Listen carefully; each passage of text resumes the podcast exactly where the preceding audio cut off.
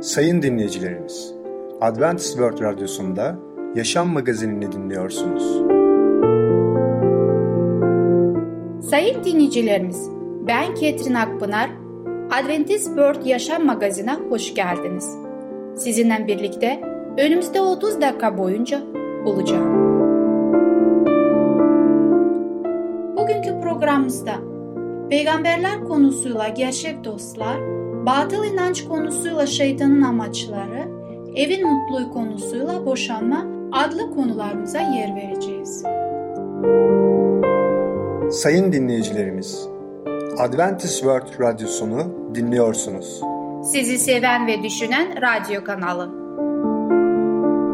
Bize ulaşmak isterseniz Umutun Sesi Radyosu et yaha.com Umutun Sesi Radyosu et yaha.com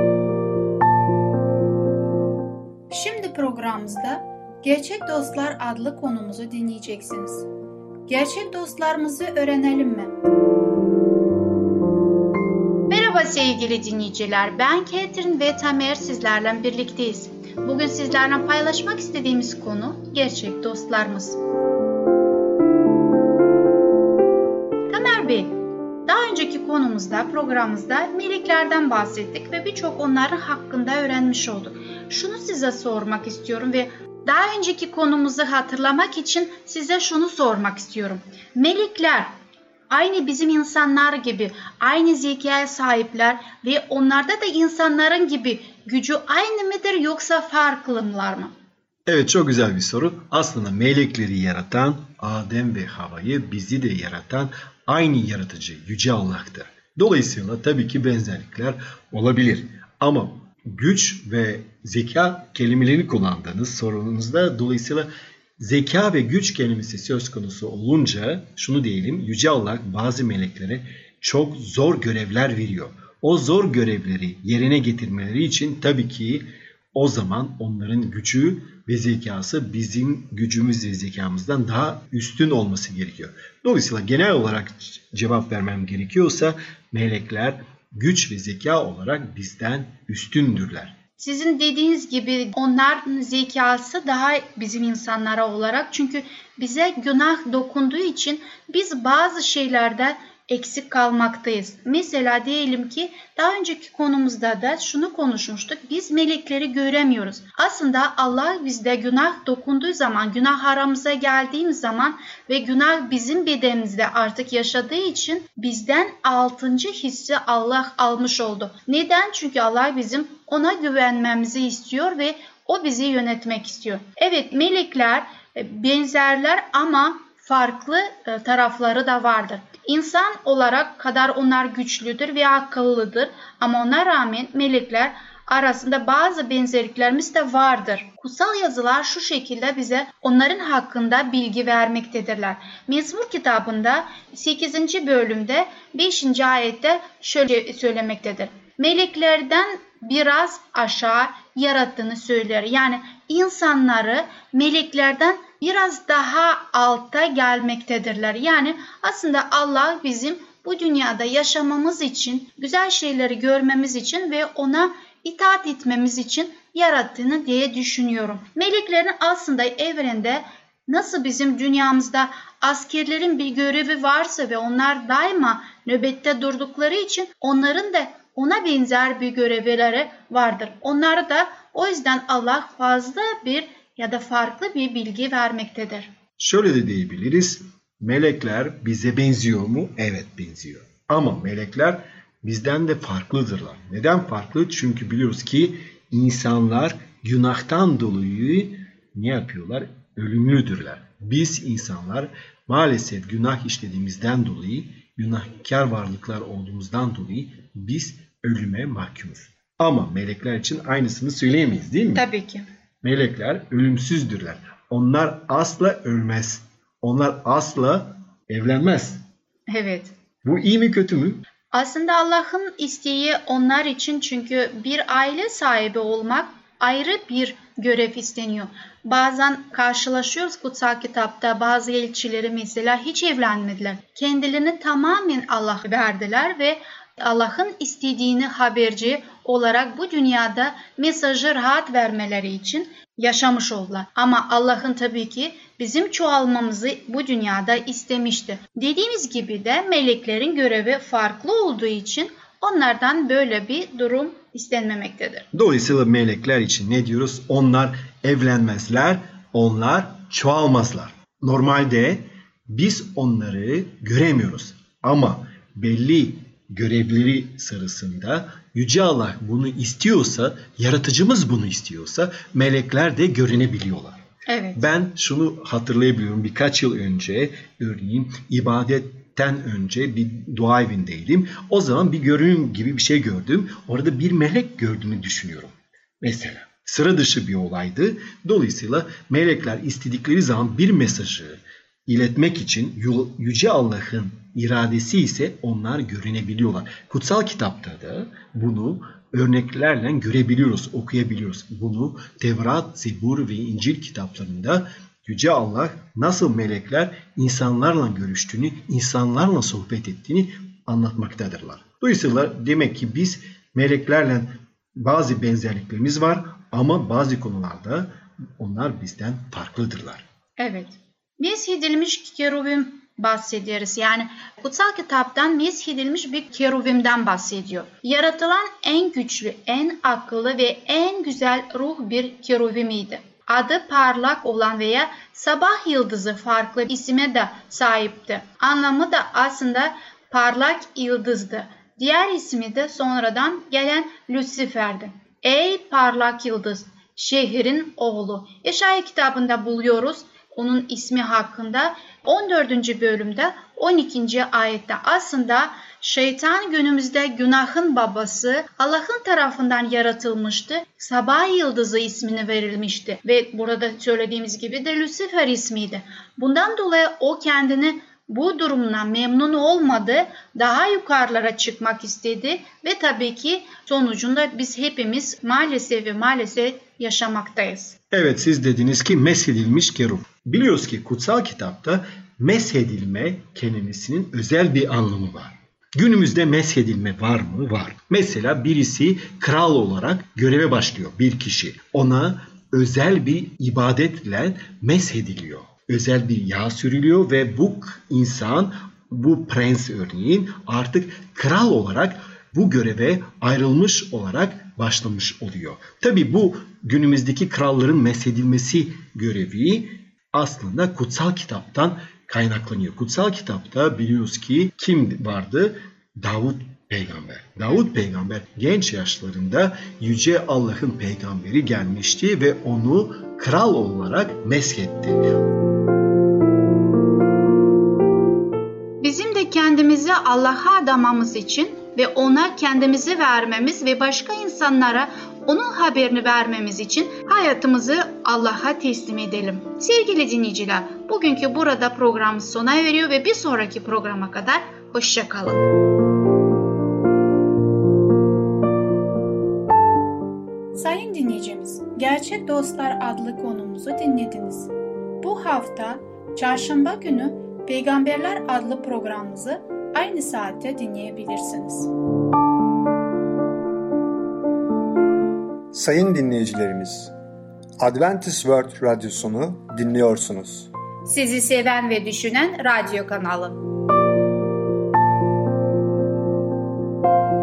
Bize ulaşmak isterseniz Umutun Sesi Radyosu et yaha.com Umutun Sesi Radyosu et yaha.com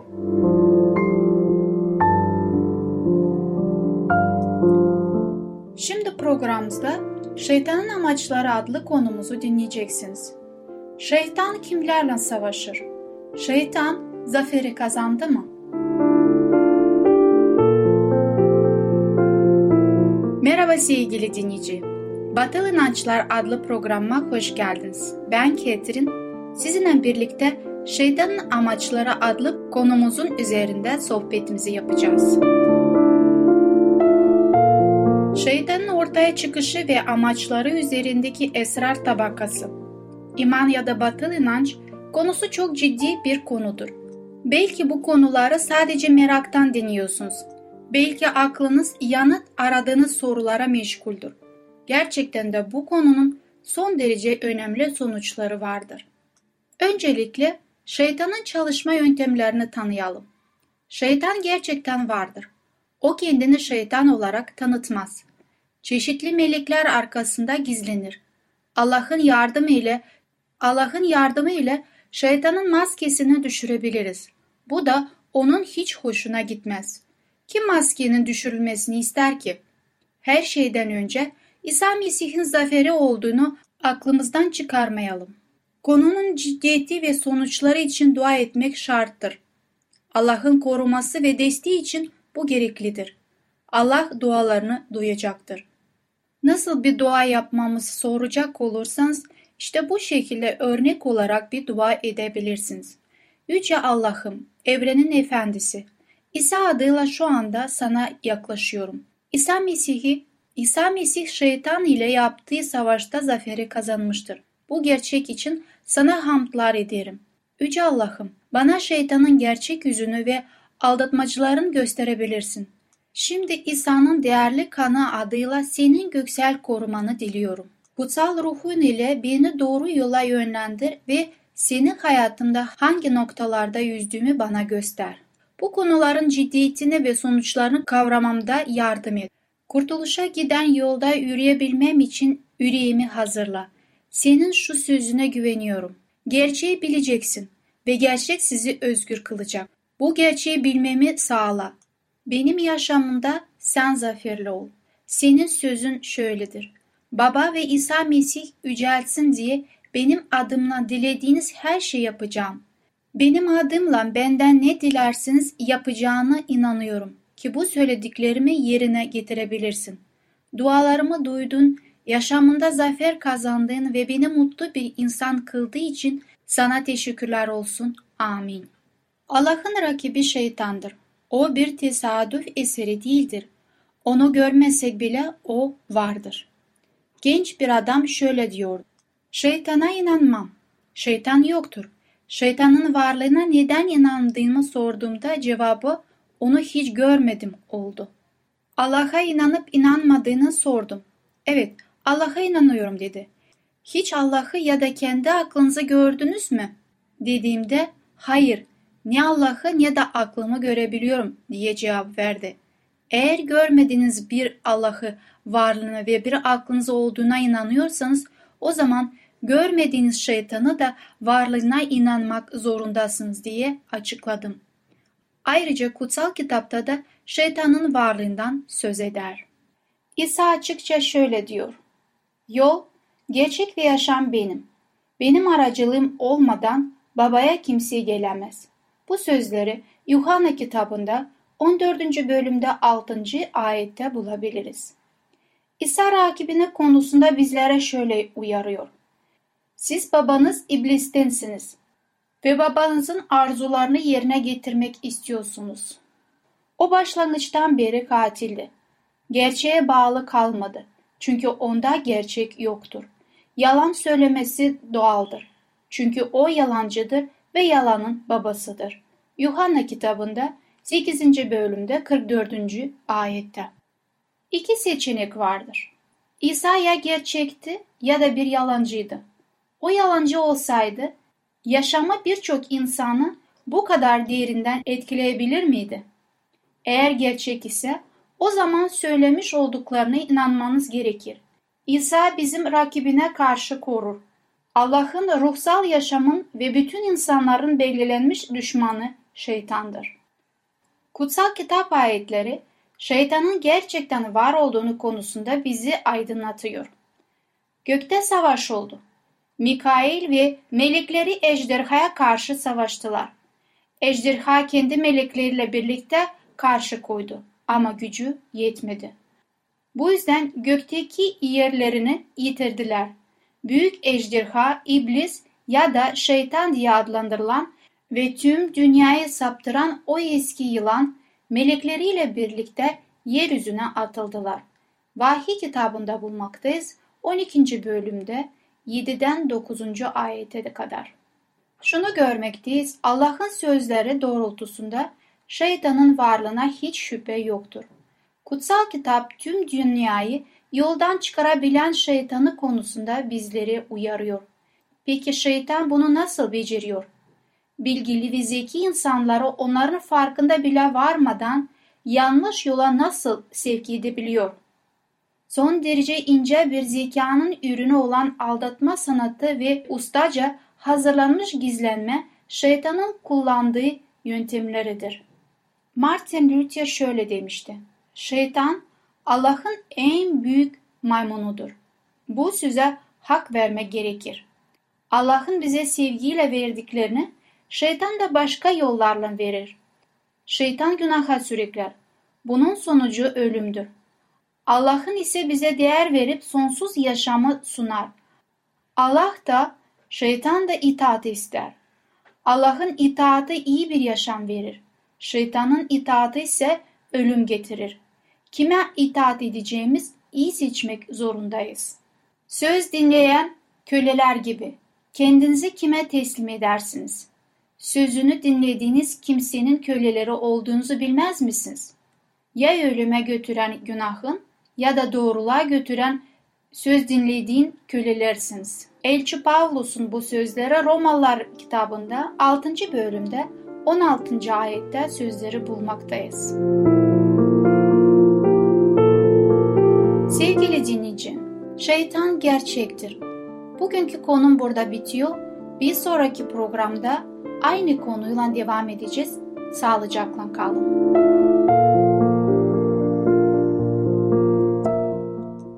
Sevgili dinleyicim, Şeytanın Amaçları adlı konumuzu dinlediniz. Gelecek hafta Salı günü Batıl İnanç adlı programımızı aynı saatte dinleyebilirsin. Sayın dinleyicilerimiz, Adventist World Radyosunu dinliyorsunuz. Sizi seven ve düşünen radyo kanalı. Bize ulaşmak isterseniz Umutun Sesi Radyosu et yaha.com Umutun Sesi Radyosu et yaha.com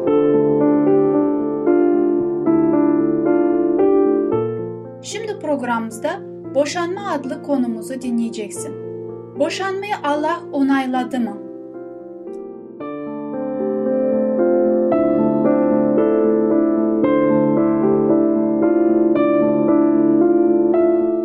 Merhaba sevgili dinleyiciler. Ben Ketrin Akpınar sizlerle birlikteyim. Bugün konuşmak istediğim konu boşanma. Evet, günümüzde birçok kez karşılaştığımız durumlar var. Bu da ailelerin bozulması, ailelerin dağılması ve bunlar da her iki tarafından gelen boşanmalardan dolayı. Peki Rab bunları gördü mü ve bizim için bu konuda bilgiler vermiş oldu? Tabii ki evet. Rab eskiden yani İsa Mesih bu dünyada dolaştığı zaman bu konularda çok dikkatli ve detaylı bilgi vermiş oldu. Biz bunlara sadece eğer istersek kulak verebiliriz ve araştırabiliriz ve doğru yolda yürümek istersek yerine getirebiliriz hayatımızda. Evlilikte verilen her söz dikkatlice göz önünde tutmalıdırlar. Çünkü evlilik bir ömür boyu sürecek olan yaşam için atılan önemli bir adımdır. Kadın ya da erkek her ikisi de hayatın beraberinde getirdiği zorluklarla karşı verdikleri söz sadık kalıp bir ömür boyu yaşayıp yaşamayacaklarını düşünüp bu konu üzerinde dikkatlice durmalıdırlar. Evliliğin yanlış yorulması. Yahudi olan bir adam önemsiz bir nedenden dolayı karısını uzaklaştırdığından yeniden evlenmesi için kadını özgür kılmış oluyordu. Bu çeşit adetler büyük kötülüklere ve günahlara yol açıyordu. Evlilik eminini karşı itaatsizliklerinden dolayı evlilik bağının dışında olduklarını İsa Mesih bağda verdiği vaazında açıkça ilan etmişti. O her kim dedi karısını uzaklaştırırsa evlilik dışı ilişkiye sebebiyet vermiş olacak, karısını zina yapan bir kadına dönüştürecek ve kim karısıyla olan evliliğini sürdürürse onu zina yapmaktan uzaklaştırmış olacaktır. İsa Mesih yanlışlar düzeltmek için ve Rabbin insanoğlu için arzu ettiği ahlak kurallarını yeniden canlandırmak için bu dünyaya gelmiş oldu. Evliliğini İsrail'deki din adamlarının zihinlerine de hatalı bir şekilde yer ettiğini keşfetmişti. Kutsal Evlilik Kurumu'na din adamları hiçbir şey yerine getirmeyen bir kurum haline dönüştürmüşlerdi. Erkek son derece acımasız olmuştu. Önemsiz bir nedenden dolayı karısından ayrılabilirdi ya da isterse karısını çocuklarından ayırabilirdi ve onu uzaklaştırabilirdi. Büyük saygı gösterilen bu durum bir yüz karasıydı ve değersiz bir sayılarak bir kenara atılmış olan kadın ona ait olan işleri yerine getirmek için acı çekerek aralıksız çalışarak kocasına eşlik ederdi. Mesih bütün bu kötülükleri düzeltmek için geldi ve onun ilk mucizesi evlilik kurumu üzerinde yapılmış olduğu yeniliklerdir. Evliliğin temiz tutulduğu ve kirlenmediği sürece kutsal bir kurum olduğunu bütün dünya ilan etti. Boşanmadan önce düşünüp taşınması için öğüt verin.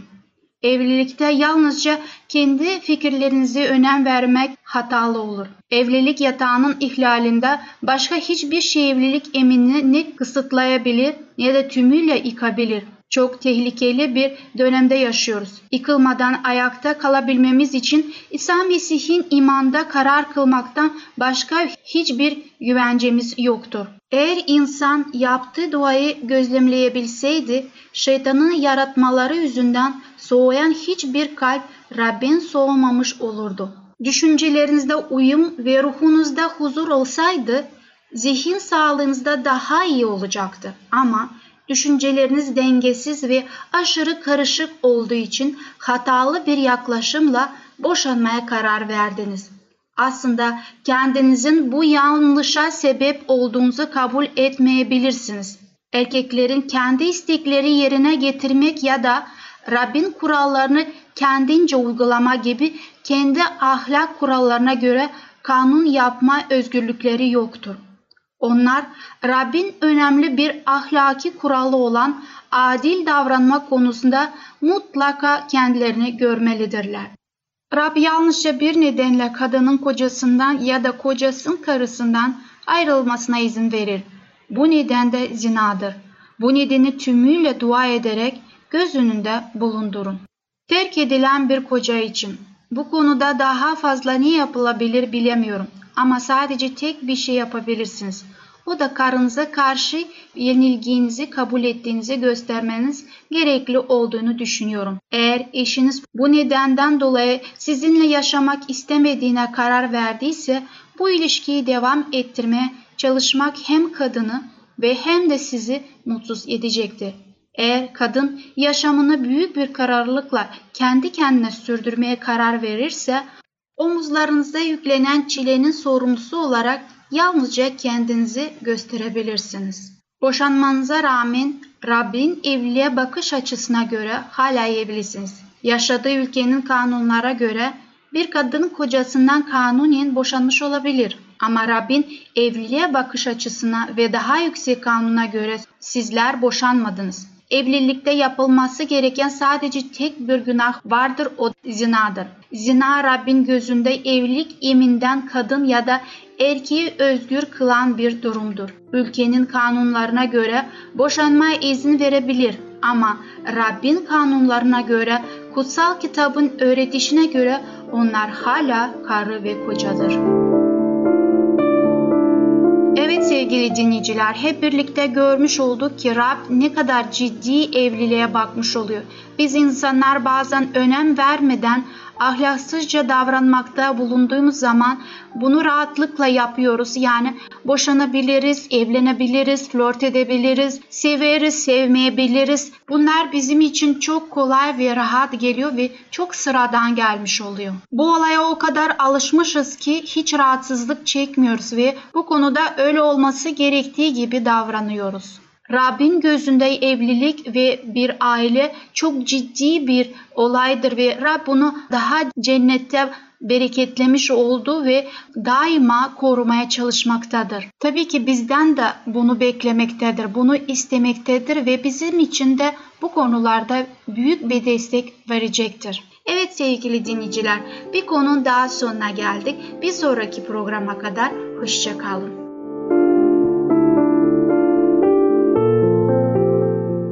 Sayın dinleyicim, Boşanma adlı konumuzu dinledin. Bu hafta Perşembe günü Evin Mutluluğu adlı programımızı aynı saatte dinleyebilirsin. Sayın dinleyicilerimiz, Adventist World Radyosunu dinliyorsunuz. Sizi seven ve düşünen radyo kanalı.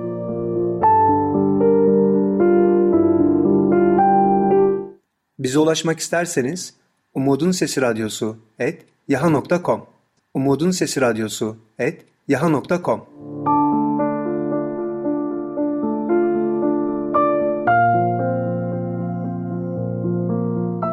Gelecek programımızda yer vereceğimiz konular.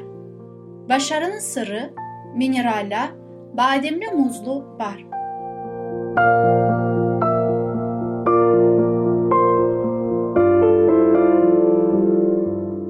Bugünkü programımız sona erdi. Bizi dinlediğiniz için teşekkürler. Bir sonraki programa kadar görüşmek dileğiyle. Hoşçakalın.